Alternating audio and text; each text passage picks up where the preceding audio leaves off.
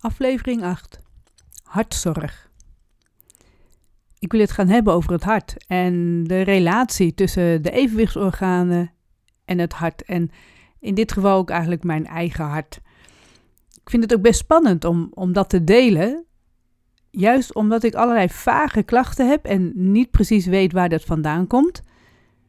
En zou dat een relatie kunnen hebben met die evenwichtsorganen? Dan wil ik eerst even uitleggen hoe dat zit met die relatie daartussen. Want dat is er wel degelijk. Die evenwichtsorganen die bestaan uit twee delen. Dat zijn de halfcirkelvormige kanalen en de statolietorganen. En juist die statolietorganen, die detecteren of die reguleren de bloeddruk. En dat klinkt heel gek, en dat doen ze dus wel. En dat komt omdat het ook te maken heeft met statolietorganen die meten de zwaartekracht. En juist door dat meten van die zwaartekracht, dat, dat voelen van die zwaartekracht, dat zorgt dat dus uh, de statolietorganen, omdat ze dat meten, dat meenemen ook en daardoor die hartslag kunnen reguleren, want de hartslag kan werken juist door de zwaartekracht. Dus daar ligt die connectie al. Dan pak ik even mijn uh, boeken bij wat ik daarover geschreven heb. Als je het hebt over de statolietorganen. Die hebben meerdere functies, want die dragen bij aan de hoofdstabilisatie. Uh, de oriëntatie van het oog ten opzichte van de horizon. Dat is eigenlijk dus die beeldstabilisatie, hè? ander woord ervoor. En ze zorgen voor de rechtopstaande houding. Dat je dus goed rechtop kunt blijven staan. Heeft natuurlijk ook alles met die zwaartekracht te maken. En verder detecteren ze ook de bewegingen tijdens het ronddraaien om je as. Dus als je een pirouette maakt. Of even met je hoofd even snel achterom kijkt. Ja, als ik dit nu doe, dan hoor je meteen dat ik, uh, ja, het geluid hoor je het al aan. Hè? En de statolietorganen spelen dus ook een belangrijke rol in het reguleren van de bloeddruk. Dat geef ik al aan in het begin van het boek en later ga ik daar verder op in. Dan heb ik het over functie 4, de autonome beïnvloeding. Dat is ook een van de functies van het evenwicht, autonome beïnvloeding. En waar gaat het dan over? Dat gaat over dat dus die hartslag gereguleerd wordt, de bloeddruk en de ademhaling. En hoe kan dat dan? Nou, als je het hebt over autonome beïnvloeding, dan hebben we het over het perifere zenuwstelsel. Dat is het hele zenuwstelsel wat buiten het brein ligt, buiten de hersenen. Want dat is het centrale zenuwstelsel. En het perifere zenuwstelsel is wat daar allemaal omheen zit. En dat perifere zenuwstelsel, dat bestaat ook weer uit twee delen. Dat is het autonome zenuwstelsel en het somatische zenuwstelsel. En nu gaat het over dat autonome zenuwstelsel. Dat is een, uh, het zenuwstelsel die, die reguleert uh, de functies van alle inwendige organen. En dat is namelijk, het autonome zenuwstelsel heeft een heleboel uh, functies. Dat is het regelen van de lichaamstemperatuur en dan dus die bloeddrukregulatie. Hè? De hartslag, de ademhalingsfrequentie, maar ook het regelen van de bloedsuikerspiegel, de spijsvertering en het reguleren van sterke en krachtige uh, emoties. En die bloeddrukregulatie en die, en die hartslag en die ademhalingsregulatie, die, heeft dus, die hebben ook te maken dus met die uh, evenwichtsorganen en met name dus die statolietorganen. En hoe dat dan zit bij die bloeddruk, is dan ook dat uh, als je zit of ligt en je komt snel overeind, dan kan het wel eens zijn dat je een beetje uh, zwart voor je ogen ziet, dat je sterretjes ziet. Dan is er eigenlijk een snelle bloeddrukverlaging, omdat je lichaam niet zo snel mee kan om al dat bloed dus ook omhoog te krijgen. En die statolietorganen, die reguleren dat, dat er eigenlijk geen uh, dat er geen uh, bloeddrukverlaging komt. Dus ze voorkomen dat, dat juist het bloed op de juiste manier blijft stromen. En dat is natuurlijk heel erg prettig, want dan heb je niet dat als je dus van zit naar sta en van liggend naar zittend en omhoog komt, dat je dus niet altijd zomaar uh, sterretjes ziet. Willen we ook niet. We willen juist dat dat goed gereguleerd wordt. Statolietorganen zijn dus dan super belangrijk. Dat autonome zenuwstelsel, dat bestaat ook weer uit twee delen. Je hebt een deel wat in rust is. En dan zijn uh, de. Dan, dan, dan daalt de spierspanning. En dan wordt de hartslagfrequentie die wordt afgenomen tot een normaalwaarde, een rustwaarde. Uh, de bloeddruk en de ademhaling. En, en dat worden allemaal weer normaalwaarden. En dat is um, in vergelijking natuurlijk met als het lichaam in actie is. Als het in actie is, dan is het andere deel van het autonome zenuwstelsel heel hard aan het werk. Dan spannen de arm- en de beenspieren en uh, dan krijg je dus een stijging van je hartslag, uh, stijging van de bloeddruk, stijging van de ademhaling. Alles gaat uh, sneller. Je wordt meer alert ook. En dat is dan in actie aan de hand. En dan is het natuurlijk heel bijzonder om dan te weten dat die statolietorganen daar een rol in spelen, dat dat allemaal ook kan gebeuren. Dan is mijn vraag, als nou die evenwichtsorganen, die statolietorganen, niet meer goed hun werk doen, wat heeft dat dan voor een invloed op die actie en die rust uh, van, dat, van dat perifere zenuwstelsel, het autonome zenuwstelsel, als het in rust is of in actie? Wat doet dat met die hartslag? Als die statolietorganen dat niet meer goed kunnen reguleren. Wat doet dat met de bloeddruk en met de ademhaling? Heeft dat dan wel invloed of kan het ook zonder het reguleren van die statolietorganen? En waarom vind ik dit dan spannend om te delen? Dat komt omdat ik zelf ook allerlei vage klachten heb, al, al, al meerdere jaren en nooit die link met het hart heb gelegd. Alleen je hoort en leest er steeds meer over dat als je het hebt over het hart, dat de klachten die mannen en vrouwen hebben, dat ze bij vrouwen daadwerkelijk anders zijn als het dus om hartklachten gaat. En als ik dan kijk dat uh, heel veel klachten die je dan hebt, uh, zweetbuien, hitteaanvallen noem ik het ook wel, nou af en toe dus dan duizelig zijn. Last hebben toch van mijn maag. Niet goed kunnen slapen. Dat wordt heel vaak gerelateerd aan de overgang. En een hormonenkwestie.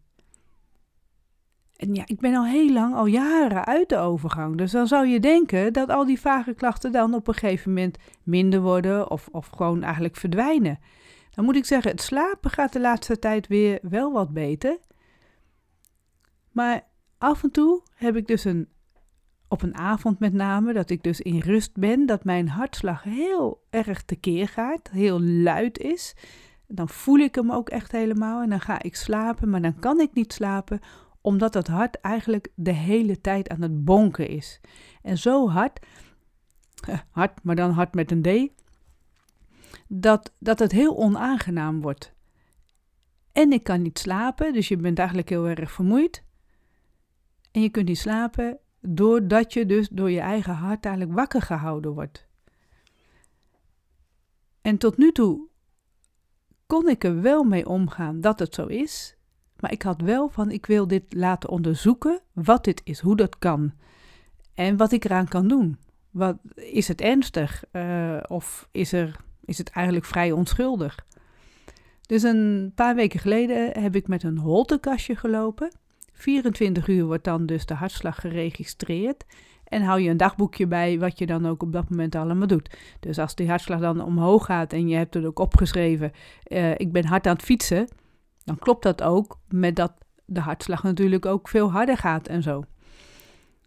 Dus dat heb ik ingevuld, ingeleverd en ik ga het gesprek nog hebben met de arts, met de cardioloog. Dat is voor de eerste keer dat ik bij een cardioloog kom voor mezelf. Ik ben wel met andere mensen daar geweest, maar zelf ben ik daar dus nooit geweest. Eigenlijk omdat het nooit nodig was.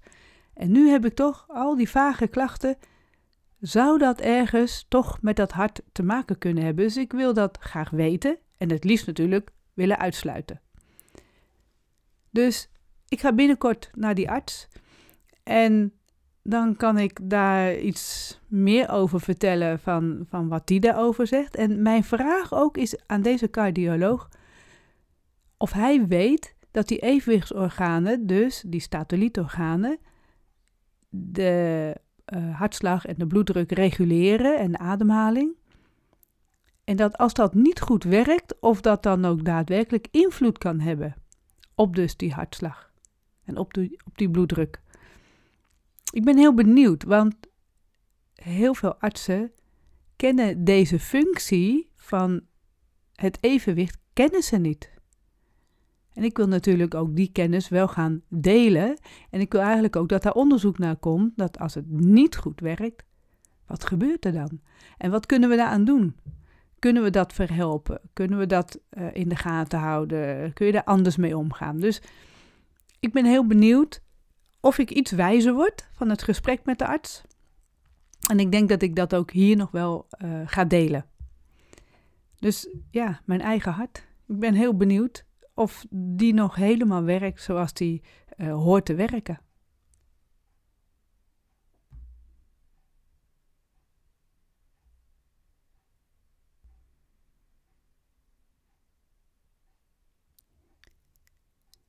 Ik ben dus nu bij de dokter geweest, bij de cardioloog. Kom ik nu net vandaan.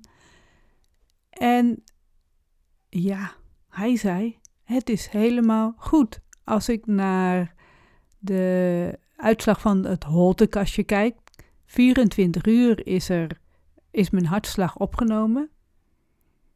En dat blijkt dat het helemaal goed eruit ziet. Helemaal geen bijzonderheden, helemaal geen veranderingen. Op het moment dat ik inspanning verrichte, dan gaat die hartslag ook omhoog, maar ook op een hele normale manier, zoals het ook hoort. Dus hij zei: Ik kan je geruststellen, want er is niks aan de hand. Ik heb wel alle vage klachten mogen benoemen, al die vage klachten die er zijn.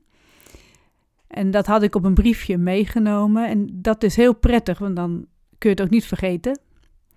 En hij heeft al die dingen heeft hij uh, ingetypt. Hij heeft het allemaal opgenomen.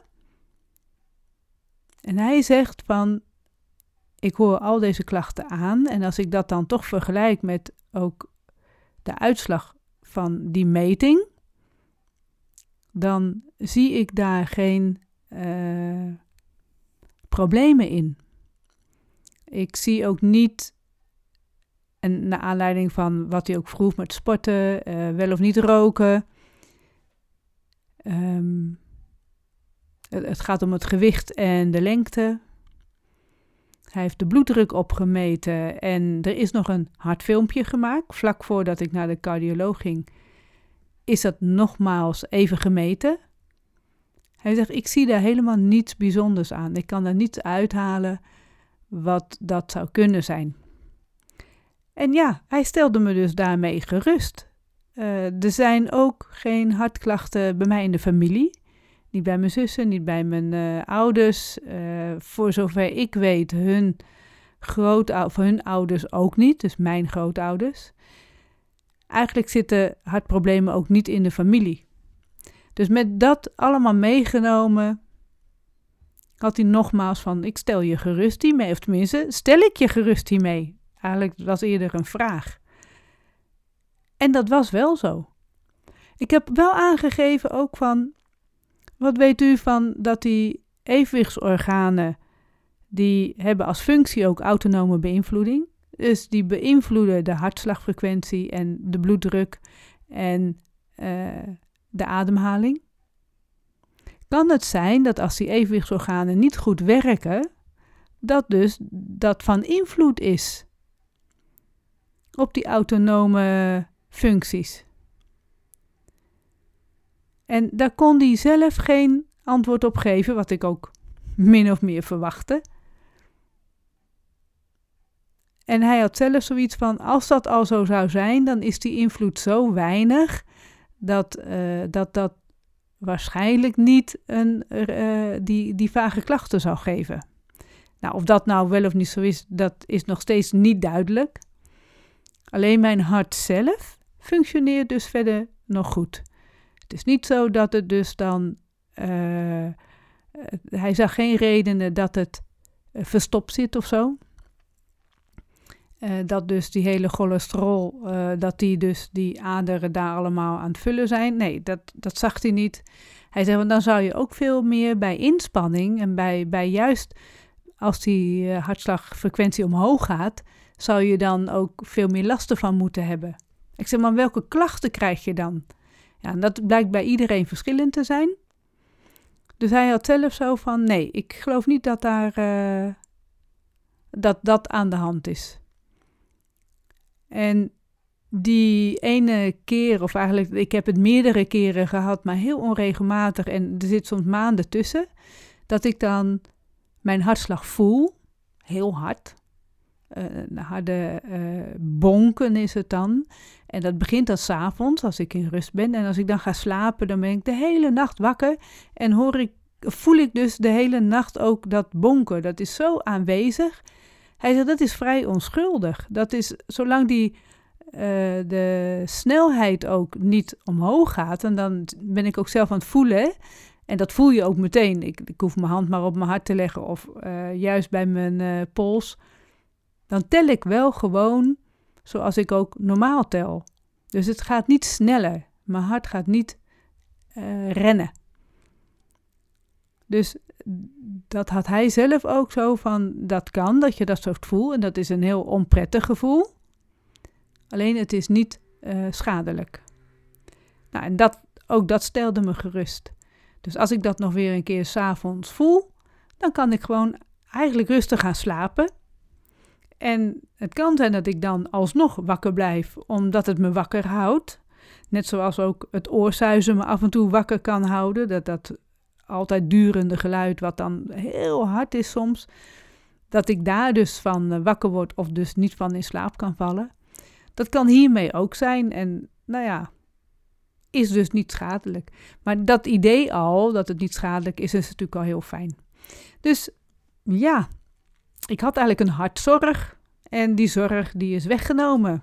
En mijn hart die blijft kloppen.